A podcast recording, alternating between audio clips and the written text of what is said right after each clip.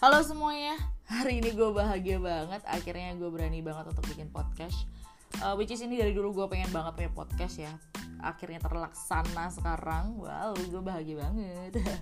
Dan nextnya untuk uh, podcast-podcast yang bakal gue upload uh, Nggak cuma ngebahas apa yang lagi happening atau lagi viral Tapi gue bakal mengulik lagi sudut pandang anak-anak muda zaman sekarang Tentang uh, business, relationship, kesehatan atau apa pun itu tentang kehidupan yang bakal menarik banget untuk kita ulik bakal gue blush nanti di podcast podcast gue. Dan kalau misalnya kalian punya ada se seorang atau individu yang menarik banget dan mereka menginspirasi banget just let me know guys karena gue suka banget ngobrol sama orang-orang yang sangat menginspirasi. Dan ditungguin aja untuk podcast episode pertama gue uh, di segala macam platform bakal gue blush nantinya. Uh, itu aja sih. Semoga kalian suka sama pod podcast gue dan gue berharap banget semoga ini bisa menginspirasi dan bermanfaat untuk gue dan kalian semua. Oke? Okay? bye bye semuanya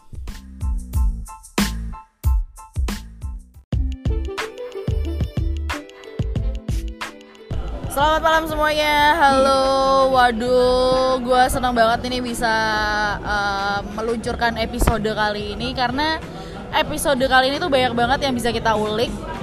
Uh, hari ini uh, kita akan bahas yang namanya HIV/AIDS dan juga penularannya di kalangan anak muda zaman sekarang. Nah, pada malam hari ini gue punya kesempatan buat ngobrol sama dua dokter kesayangan gue, asik. Uh, mereka berdua adalah dokter di usia muda, jadi uh, mereka ini sebenarnya seangkatan sama gue, cuman mereka lebih sukses daripada gue lah ya. Dan ini dia yang pertama gue ada dokter Maria Siwi, silakan. Hai guys. Halo. Ada juga Dokter Resa Tambayong. Dia ini pakar deh, pakar buat menghabisi cewek-cewek ya kayaknya ya dok ya. halo, halo.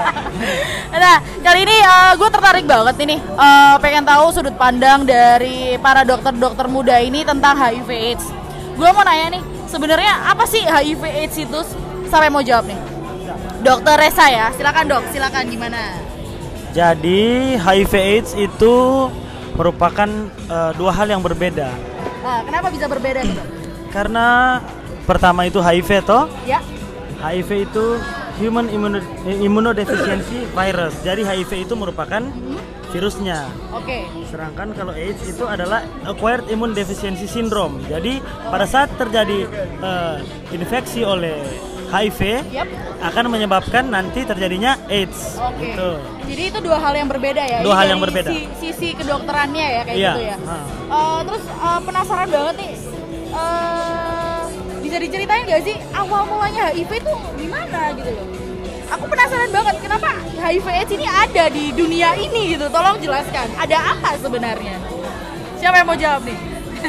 Dokter Maria, silakan. Dokter, gue sih manggilnya biasanya Mia sama Eca ya. Jadi kita coba gimana nih dok? Kok bisa sih HIV AIDS itu ada di dunia ini? Gimana ceritanya dok? Naon? Naon atuh? gimana gimana gimana gimana? Uh, kalau menurut gue sendiri, uh, kalau nggak salah dengar ya, gue udah lupa juga uh-huh. karena belajarnya tuh udah lama banget. Asik. Sosokan anjir. Ya, uh, maaf ya, saya masih koas di sini ya. Oh, Tolong jangan menyinggung ya. Enggak, enggak, enggak. gimana gimana gimana? Uh, setahu gue tuh HIV AIDS itu uh-huh. awal penyakitnya tuh mulanya tuh dari monyet ya, kalau nggak salah. Okay. Tapi teman-teman bisa Google lah, kira-kira uh-huh. dari mana tuh penyakitnya. Uh-huh. Kalau yang bisa gue jelasin sekarang, kayak udah dijelasin sama si Dokter Resa tadi. Si Dokter Resa kan Reza agak dulu. aneh banget ya kalau manggil ya, dok. Padahal jijik. kita temenan gitu ya kan. Agak jijik dikit sih. agak jijik juga. Ah, gue kayak manggil dok, padahal mereka ini temenan sama gue gitu. Terus terus terus. Uh, anjing maksudnya. anjing. Terus terus terus menarik nih. Uh, kan kata si apa dokter Reza itu HIV itu kan virusnya. Ya. Nah HIV itu uh, virus yang merusak sistem kekebalan tubuh. Okay. Yaitu dia dengan menginfeksi oh. dan menghancurkan yang namanya sel CD4 atau CD4 okay, yang ada di paham tuh. tubuh manusia. Okay. Ya. Gue nggak paham. gue nggak paham. Itu dari gue jelasin dari sisi kedokterannya ya. Itu, itu ya? dari sisi kedokterannya. Okay gue jelasin dikit ya tentang hmm. sel CD4 itu. Hmm. Sel CD4 itu uh, dia tuh merupakan sejenis sel darah putih. Oke. Okay. Ya sel darah putih itu kan kita semua apa sih nama lainnya tuh leukosit ya. Oke. Kalau teman-teman udah pernah dengar mungkin Oh. yang sering periksa laboratorium ada leukosit, trombosit dan teman-temannya Asik, yang lain. iya, benar benar benar benar. Jadi leukosit itu eh, merupakan eh, penanda infeksi yang ada di dalam tubuh manusia. Nah, sel CD4 itu dia dia merupakan bagian dari leukosit itu sendiri. Nah, tapi CD4 itu punya peran penting. Oke. Perannya penting banget. Heeh. Dia itu seba eh, apa? Jadi kayak sel yang membantu buat memerangi infeksi itu sendiri Oke. ada eh, di dalam leukosit itu kan ada teman-temannya tuh yang buat menanda penanda jadi kayak oh kalau infeksi bakteri tuh yang ini yang naik kalau misalnya infeksi oke, virus oke, yang ini tuh yang naik nah kalau buat CD4 sendiri itu Ya. CD4 dia buat memerangi jadi kayak polisinya gitu loh ngerti nggak sih Oh iya iya iya, iya. jadi gue paham. Jadi HIV AIDS itu berawal dari sebuah virus yang nama HIV. Iya. And then nanti dia akan berkembang menjadi uh, penyakit yang nama AIDS gitu. Iya, benar, benar. Jadi uh, teman-teman jadi jangan pada bingung apa sih bedanya HIV sama AIDS? Ya itu tadi teman-teman. Jadi HIV itu adalah nama virusnya dan dia akan menyerang di bagian CD4 ya. Iya, Nah, CD4. CD4 nah akan berkembang menjadi yang namanya penyakit AIDS gitu ya, Mi ya. betul sekali CD4 itu kan eh, yang bantu memerangi infeksi. Heeh. Jadi kebayang gak lu semua kalau misalnya dalam tubuh lu tuh lu punya eh, virus HIV, dia tuh eh, kayak ngebongkar polisi sistem pertahanan tubuh lo Oh, iya, sendiri. Iya iya iya iya iya iya, iya. gue paham gue paham. Bayangin aja kalau nggak ada polisi dong di Iya benar benar benar ini. jadi kayak berantakan gitu ya. Yoi. Jadi pada intinya itu sebenarnya HIV itu bisa merusak imun. Jadi lu Iya. gampang sakit, lu gampang capek ya kan ditandai kayak gitu Iya, ya kan. Setahu gue lu, sih. Lu flu doang bisa mati. Ah tuh tuh tuh itu itu itu penting banget sih yang buat ya, pengetahuan kayak gini itu itu penting banget buat diulik. Tapi gue penasaran, gue cukup menarik banget perhatian gue adalah HIV AIDS ini berawal dari sebuah monyet ya. Jadi monyet ini eh, kenapa bisa berawal dari monyet dari binatang loh ya? Tiba-tiba bisa ke manusia gitu. Itu menarik banget. Ada apa sebenarnya?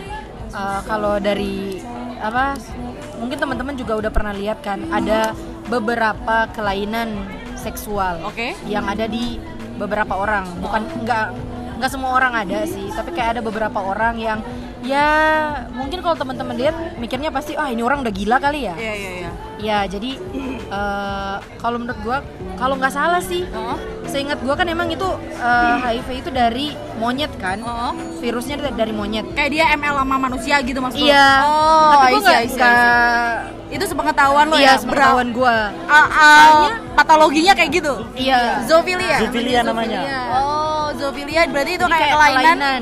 kelainan seks sama binatang. Iya, dia pengen agak aneh juga ya. Titip Kalau misalnya lo nge-seks sama hewan lo pikir aja apa enaknya ya kan ya. Tapi nggak tahu juga sih, kan bisa aja orang itu kena darahnya mungkin Oh, iya, iya, infeksi iya. juga. Wah ini Jangan julid dulu dong. Jangan julid kita nggak boleh julid tapi ini menarik banget awal mulanya HIV AIDS ya virusnya itu berawal dari em, dari binatang dulu lalu bisa kena manusia. Ini gue menarik banget ya. Kalau ngomongin soal penyebarannya, ini pene- penyebarannya tuh eh, banyak macam kan ya. Bukan cuma having sex doang bisa bisa kena HIV kan, ya kan? Virusnya nggak cuma dari ha- having sex aja. Eh, boleh tahu gak sih s- kasih gue contoh paling eksplisit eh, penularan HIV AIDS itu kayak gimana sih? Dokter siapa nih yang mau jawab nih? Dokter Eca. Eca, Dokter Eca. Oke, Ah. Dokter Eca. Mangga. Uh, jadi begini, untuk penularan uh, HIV/AIDS ini, Heeh. uh, yang saya tahu Iya. penularannya itu dari cairan tubuh. Oke. Tetapi tidak semua cairan tubuh yang memiliki risik- uh, resiko untuk uh, menyebabkan terjadi penyakit AIDS ini. Kenapa? Kenapa? Kenapa nggak semua cairan tubuh? Ah, jadi yang paling beresiko Oh. untuk menyebabkan uh, penyakit AIDS ini itu cairan tubuh dalam hal ini adalah darah. Dan cairan uh, cairan tubuh maksudnya dari sel mukosa. Mukosa itu artinya uh, sel-sel yang uh, Di mulut uh, dong, kalau mukosa ah, dong. mukosa mulut atau bisa juga dari uh, bagian dari uh, organ reproduksi. Oke, oke. Hmm. Kenapa itu bisa Ja- jadi having sex itu tadi ya? Hmm, Bisa nah, jadi yang ya? yang sangat berisiko sekali itu adalah uh, darah sama uh, cairan dari alat reproduksi. Oke. Ah. Sekarang gue Oke. mau tanya nih dok, kalau misalnya gue ciuman nih sama orang yang kena HIV AIDS, Hmm. Apa kita bisa ketularan secara cepat kayak gitu? Oke, jadi ini intinya pertanyaannya apakah air liur dapat menyebabkan Iya. eh, Karena kita bahas penularan tadi ya. AIDS? Iya, ha. Coba. Oke. Gimana, Jadi gimana? ya yang pernah saya baca jurnal pernah ada penelitian begitu, pernah saya baca eh, air liur itu dapat eh, menjadi sarana penularan untuk penyakit AIDS ini. Iya. Tetapi dari jurnal tersebut dia bilang, oh boleh dong eh, tertular, Heeh. Tetapi minimal Anda mengkonsumsi 10 liter dari air liur orang yang mengidap Oh, HIV see, I see, AIDS itu. iya, iya. Nah, lu mau minum cipokan 10 liter, ha?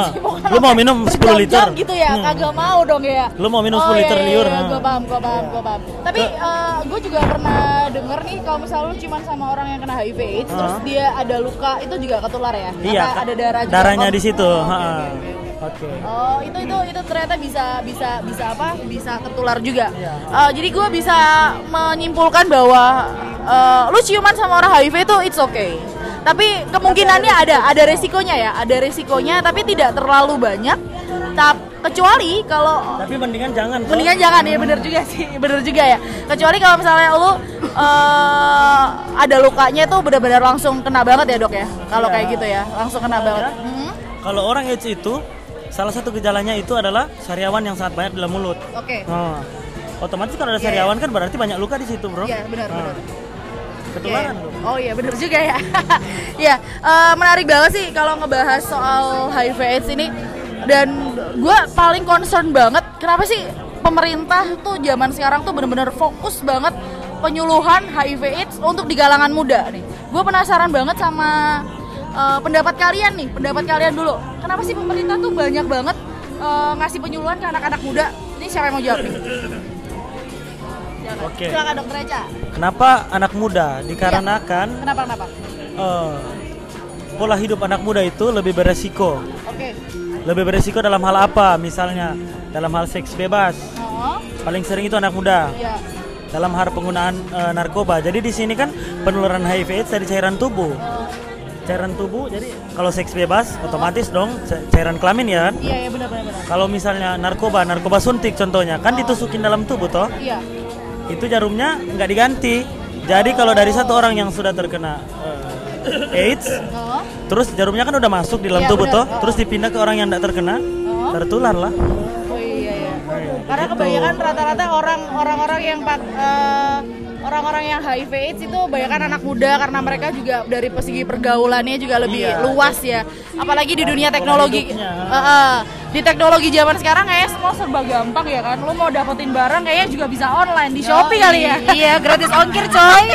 Ya sekarang mau cari barang tuh gampang banget di di di zaman-zaman sekarang. Kalau pendapatnya Mia kenapa nih?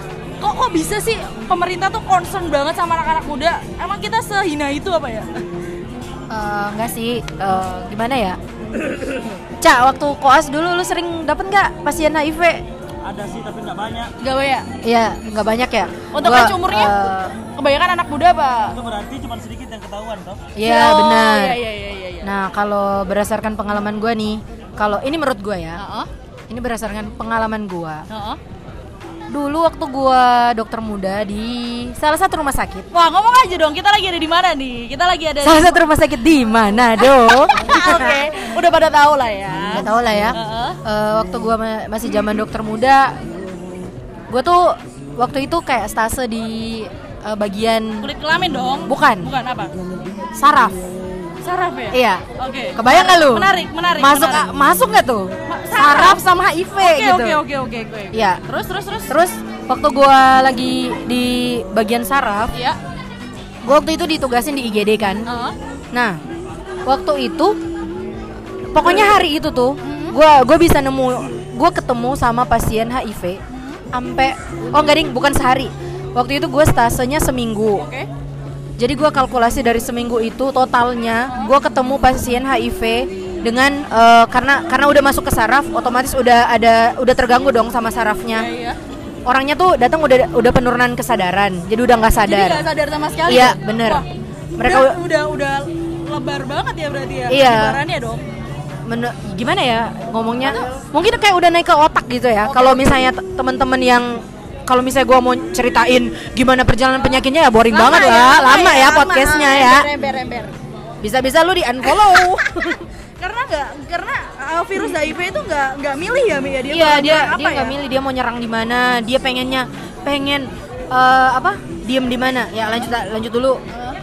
menurut pengalaman gue waktu gue di apa gue dokter muda waktu itu selama seminggu gue tuh bisa ketemu sama pasien HIV sampai 12 dan range-nya range umurnya tuh oh ya gue gua ngasih tau gendernya dulu Iya. 12 kan Oh. perempuan tuh 8 laki-laki Oh. tuh 4 Dengan sedikit eh, lu stase di situ lu bisa tahu Iya, jadi perempuan itu iya kebayang nggak lu parah banget sih. Eh, dari dalam waktu seminggu Heeh. itu tuh ketemu sama pasien 12 orang yang Iya. kena HIV udah nggak sadar 12 nya udah gak sadar. 12-nya udah nggak sadar. Iya. Terus yang yang gua nggak habis pikir juga, buset perempuan banyak banget. Banyak 8 banget sih. dong. Banyak banget sih. Dari Banyak 12 la- yang laki tuh 4. Padahal kan kalau ya gimana ya? ah, iya. Yang di Yang mata di buas kan laki-laki, Iya, bukan gitu. gitu ya. Di mata masyarakat juga kayak yang ah si cowok tuh playboy ganti sono, ganti si Iya, jajan iya, sono, iya, jajan sini. Taunya perempuan dong yang banyak. Udah nggak sadar semua. Waktu itu gue sampai kepikiran gitu loh. Gue sampai gimana ya?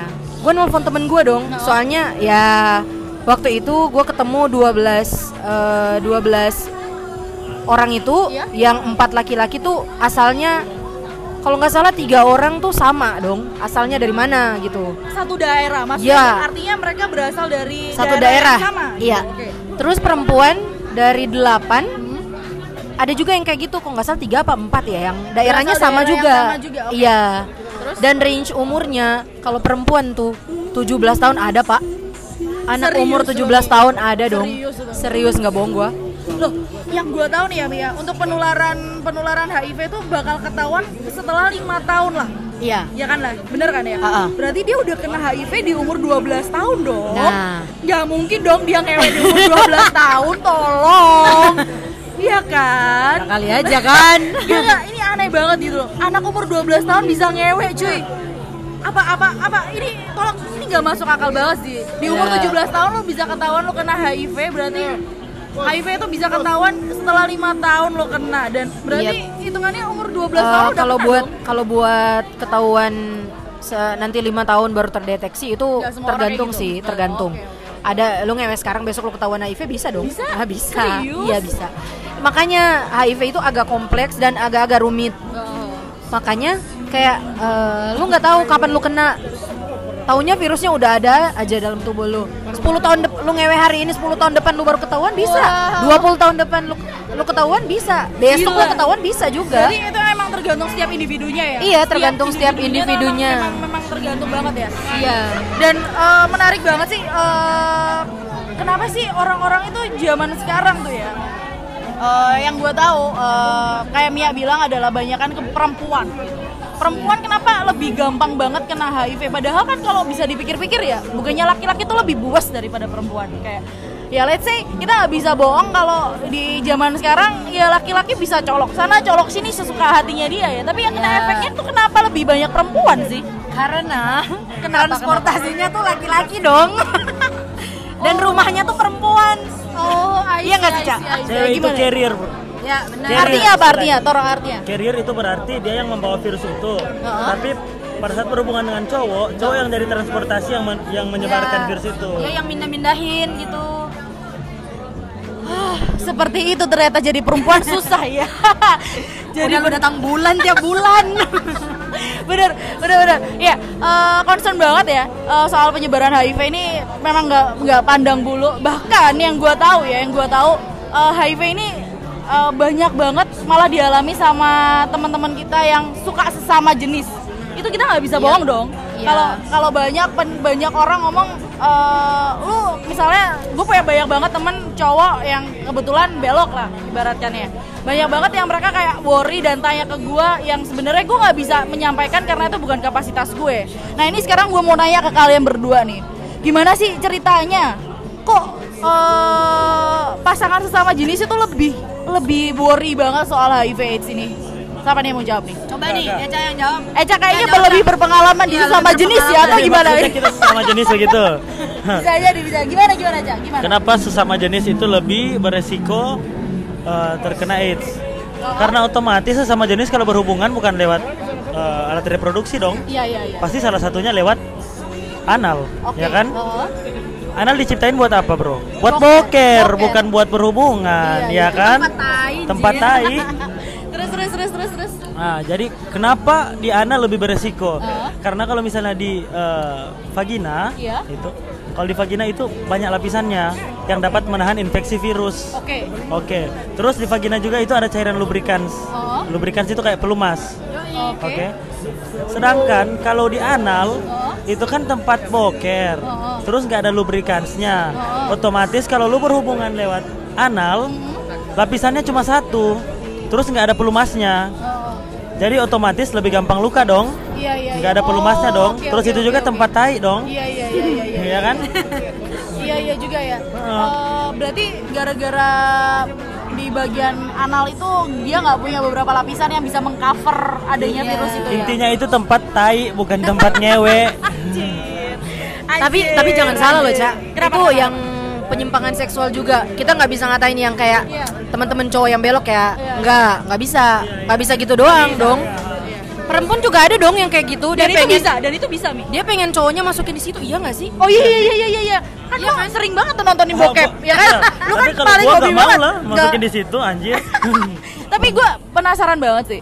eh yang ada di pikiran gue adalah apakah cuman hanya sesama jenis laki-laki atau perempuan juga bisa? iya, perempuan juga bisa dong. Kan perempuan rumahnya, carriernya. Oh, lebih lebih parah lagi ya. Eh, tetapi kalau menurut kita sih lebih parah yang laki-laki. Karena dia mainnya di Nah, di anal tempat gitu tai. tadi. Oh, Heeh. tempat. Oh, gitu gitu. tempat tai. Eh, tapi gue ada case nih. Jadi misalnya kalau eh, case-nya kayak gini. Jadi ada dua pasangan nih. Mereka nih sama-sama eh, suka sesama jenis tapi laki-laki. Mereka berdua udah sama-sama cek eh, HIV. Jadi mereka sama-sama negatif HIV, ya kan? Eh, yang gue tahu kalau sesama jenis cowok itu pasti dia kalau berhubungan pakai kondom dong, Ah. supaya aman dong, ya kan? Supaya licin juga toh. Yes. Kalau misalnya nih, dua-duanya udah tes HIV AIDS dan sama-sama bersih. Dan sama-sama bersih. Mungkin gak sih bakal ketular tanpa mereka sadari? Eh, kalau nggak ada virusnya sih nggak bakalan ketularan. Gak bakal ketularan Nggak ya? bakalan ketularan, heeh. Eh, jadi eh, jadi it's okay gak usah pakai kondom gitu maksud lo? Atau Boleh lah, itu kan penyimpangan bro. Jadi ini intinya lu, lu mendukung penyimpangan gitu. Gak gak sih, gak sih. Gue gue cuma gue cuma memberikan eh, karena kita nggak bisa nutupin hal-hal kayak gitu Iya, loh, iya, Cak. benar, benar, Iya kan? benar. Dunia Eh, sekarang kan udah lebih- Iya benar. Eh, Lebih yang nyimpang. lebih lebih nyimpang. Kita cuma bisa bisa ngasih apa ya kayak gambaran dari segi kedokterannya seperti itu kali ya, ya. seenggaknya teman-teman itu biar dikata apa juga itu kan teman-teman kita Benar, benar, benar, benar. Eh, ya, yang pasti sih kalau dari segi kedokterannya itu tidak baik lah ya teman-teman Ya. ya, tidak baik dan dan alangkah lebih kalau kalian udah udah kayak gitu, ya satu-satunya cara ya lu bakal harus pakai kondom seumur hidup lu sih. tai, oi. safety is better than sorry well, ini menarik banget ya eh, ngomongin soal HIV/AIDS. Dan gue nih eh, punya eh, beberapa pikiran sih kayak eh, nggak cuman soal melulu soal hi- having sex dan lu bisa kena HIV gitu. Banyak banyak faktor banget yang bisa mendukung hal itu ya kan. Dari jarum suntik juga, terus Yoi, narkoba cuy salah satunya. Narkoba juga. Nah itu bahaya banget. Tapi yang gue gue pernah baca berita nih. Gue pernah baca berita kalau da- dia tuh ibu-ibu rumah tangga cuy. Nah ibu-ibu rumah tangga ini dia nyulam alis cuy nyulam alis beneran loh ini. Dia nggak pernah ngewe selain sama suaminya. Suaminya udah dicek dia negatif ya kan? Terus dia sulam alis cuy. Tiba-tiba nggak lama dia dia sakit terus dia periksa HIV ternyata dia kena HIV. Gila ya? Ya gila parah banget ya Hmm. sih. itu gimana tuh pendapat kalian? Kalau tadi kan udah dijelasin sama si Eca kan gimana Oh. cara penularannya. Oh. Eca lu udah jelasin tentang ini nggak? Yang penggunaan jarum segala macam udah, udah, udah, udah. ya tadi kan udah dijelasin sama si Eca tuh penggunaan jarum sama pokoknya tertular melalui darah cairan tubuh. Itu emang bisa tapi kayak resikonya lebih kecil. Makanya kalau kita nih saranin buat teman-teman semua eh, gimana ya kayak sula kan sekarang lagi happening tuh. Happening banget ya. Sulam alis, kayak eh, bikin tato, ya ya ya kayak gitu-gitu. Itu kan hal-hal yang Berhubungan dengan eh, jarum ya kan? Iya, berhubungan dengan jarum. dan pasti ada kontak sama darah Iya, gunting kuku aja bisa dong. masa sih? Gunting kuku aja bisa iya. Kalau misalnya kalau misalnya lu salah kayak eh, kulit lu yang kegunting gitu terus berdarah terus teman lu yang make Terus gunting kukunya temen lu begas temen lu yang make udah kena dong pasti lu. iya bisa bisa kayak begitu Jadi cuman emang resiko eh, apa sih eh, angka kejadiannya lebih jauh lebih kecil dibandingkan yang eh, melalui perbuatan hal-hal yang hal-hal yang yang mereka inginkan. ah bener. Sebenarnya banyak Dia, banget medianya ya. Iya, medianya kayak dulu, banyak. kayak dulu tuh dokter bedah gua pernah ngajarin kita. Dia waktu itu ngajarin eh, safety, gimana kita cara jahit yang benar, cara pegang jarum. acting ya namanya. Iya, hacking, cara pegang jarum suntik lah segala macem. Dia tuh sampai pernah ngomong dong. Eh, jadi kayak gini, kalian tuh harus eh, pegang dengan cara seperti ini, gini, gini, gini, gini. Heeh. Menurut kalian, kalau kalian ketusuk, terus itu pasien yang HIV, gila. Kalian tuh bisa tertular HIV dengan cara yang lebih enak daripada cara itu dong. iya nggak sih? Iya iya benar-benar. Gak enak banget itu ya. pernah kan pernah nggak sih lu cak Kayak kayak kayak pernah lah ketularan kapan? Enggak maksudnya Ya, maksudnya- pernah pernah denger nggak itu dokter titit titit yang ngomong Itu sama-sama kita berdua di dalam ruang oka cuy. kayak kasihan banget ya. Eh, mending lu ketularan tapi ada enaknya ini. Iya kayak, gak ada kayak enak lu tuh lu tuh bisa ketularan dengan cara yang lebih enak jauh lebih enak daripada jarum suntik bos.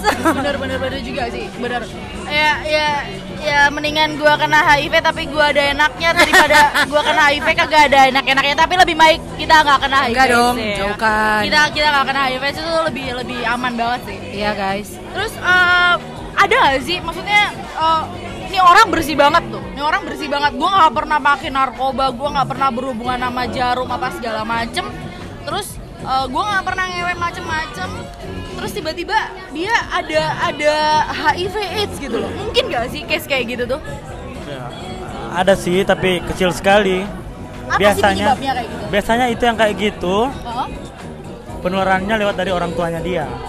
gitu Hmm, jadi kayak misalnya eh, ada satu orang Oh. mamanya dia itu oh, positif HIV AIDS, oh, ya kan? oh.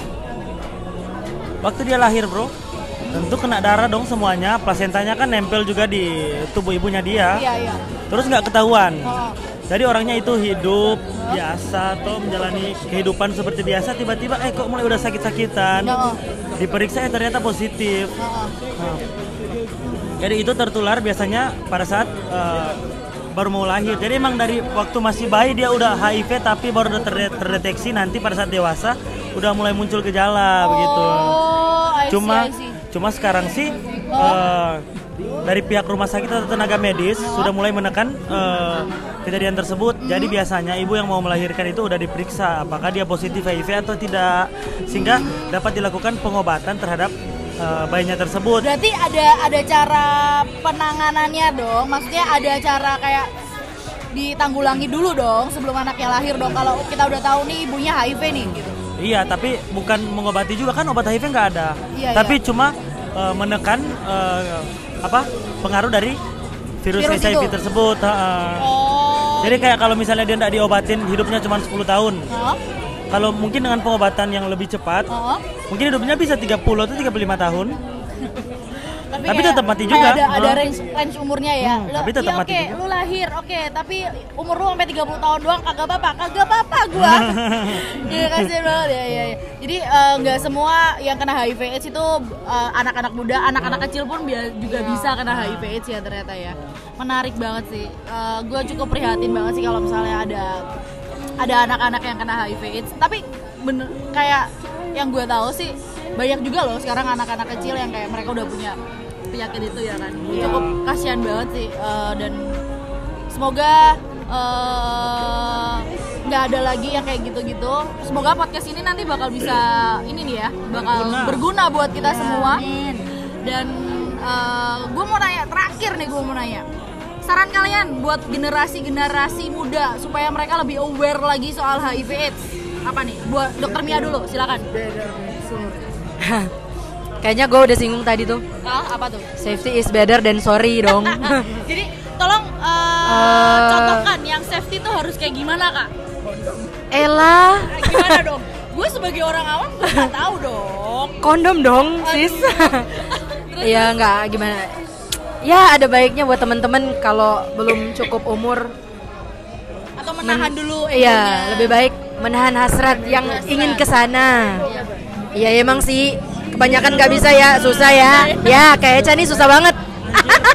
tapi berarti berarti gini ya berarti gini ya eh, kalau gue secara pribadi ketika gue mau nikah Ya. misalnya gue udah milih sambuan nih yang gue ajak nikah Yoi. maksudnya kita akan menikah gue akan melakukan tes kesehatan yang bener-bener total penting gak sih menurut lo tuh Itu penting. Penting Menurut kan? gue penting. Eh, Tapi gue mau nanya balik nih sekarang. apaan tuh Terus kalau dia terbukti HIV, terus lu udah cinta banget sama Gak dia. bisa cuy, Ah. gue lebih cinta diri gue sendiri Anjir. cuy Gak bisa, itu namanya Anjir. budak cinta Anjir, dong bucin dong. Kagak dong, enggak lah Tapi sebelum diperiksa udah ngewek duluan. Ah! Stresmu. Waduh, mampus gua udah kena dah gua auto dah. Auto langsung ya, tapi Auto lobby cuy. tapi itu itu menarik sih. Jadi kalau misalnya eh, kita, kalau gue secara gue pribadi ya, gue akan memberi saran buat kalian dengan siapa pun kalian akan memilih untuk menikah atau berhubungan. Lebih baik kita kayaknya harus periksa dulu ya demi kebaikan bersama ya kan. Yap. Bener kan? Ya, Karena eh, nggak ada yang tahu gitu lu kelihatan sehat di luar ternyata di dalamnya lu ada virus HIV ya kan nggak ada yang minta juga ya kan Iya. jadi buat teman-teman mungkin kalau kalian dalam waktu dekat ini akan menikah? Apa tidak kalian ingin periksa dulu? Karena penularannya nggak akan ada yang tahu. Dan kasihan banget nanti anaknya kalau misalnya kalian Ya, bener. nikah terus kalian punya anak dan ternyata anak itu lahir dengan virus HIV itu kasihan banget. Kasihan banget, Pak. kasihan banget.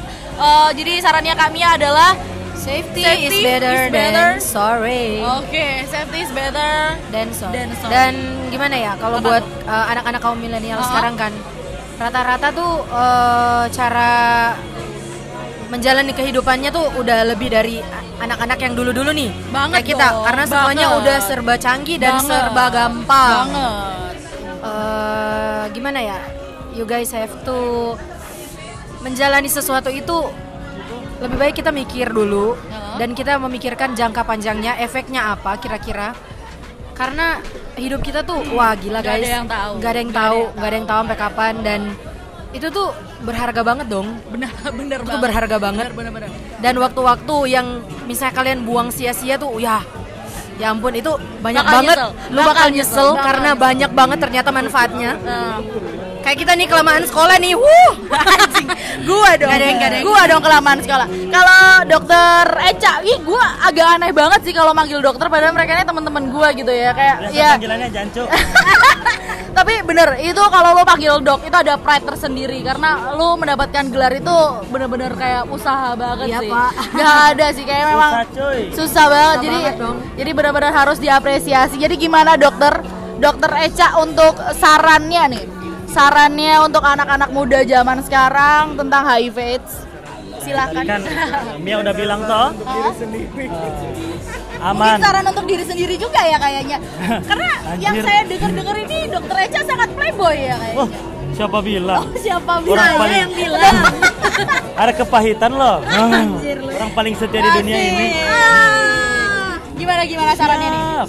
saran saran sarannya gimana nih Tadi kan Mia udah bilang kalau mau berhubungan aman, tapi ada baiknya kalau belum waktunya berhubungan jangan. kayaknya lu ngomong sama diri lu sendiri ya itu ya atau gimana? Nggak tahu, sakit udah ma- lumayan sakit sih ini dada. sakit.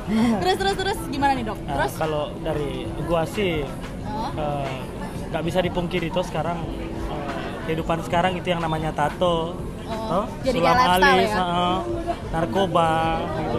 Kalau boleh lah, kalau misalnya narkoba ya kalau boleh hindarin lah, ya kan? Karena penularan lewat jarum suntik ya toh. Kalau emang lu udah terjerumus ke narkoba, kalau misalnya mau pakai kalau boleh belilah suntik yang baru, pakailah suntik sendiri. Buat diri sendiri ya toh. iya iya belum jir. Kayak gitu. Iya iya. Iya iya. Gak bisa dipungkiri dong. nggak nggak bisa. Iya bener-bener juga sih bener juga. Karena Nah. iya tapi kalau saran dari gua mah berhenti anjir iya sih berhenti. Tapi kalau udah terjerumus, mau hidup lu halu mulu tiap hari.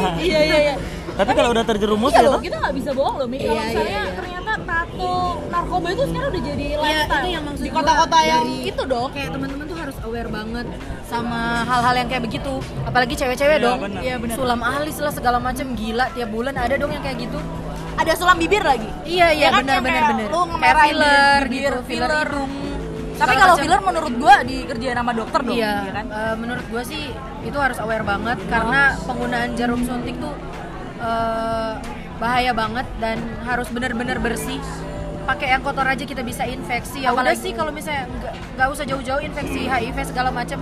Infeksi yang kecil-kecil aja gitu. Kayak lu harus lu sakit, lu demam segala macam kan. Iya, iya, iya. Enak tuh kayak gitu. Oh, ya benar juga sih. Jadi guys, eh, yang bisa gue simpulkan adalah penularan HIV itu tidak memandang medianya. Maksudnya eh, lu nggak akan bisa mengira-ngira media apa aja yang akan dipilih oleh virus itu sehingga lu terkena eh, virus HIV itu sendiri.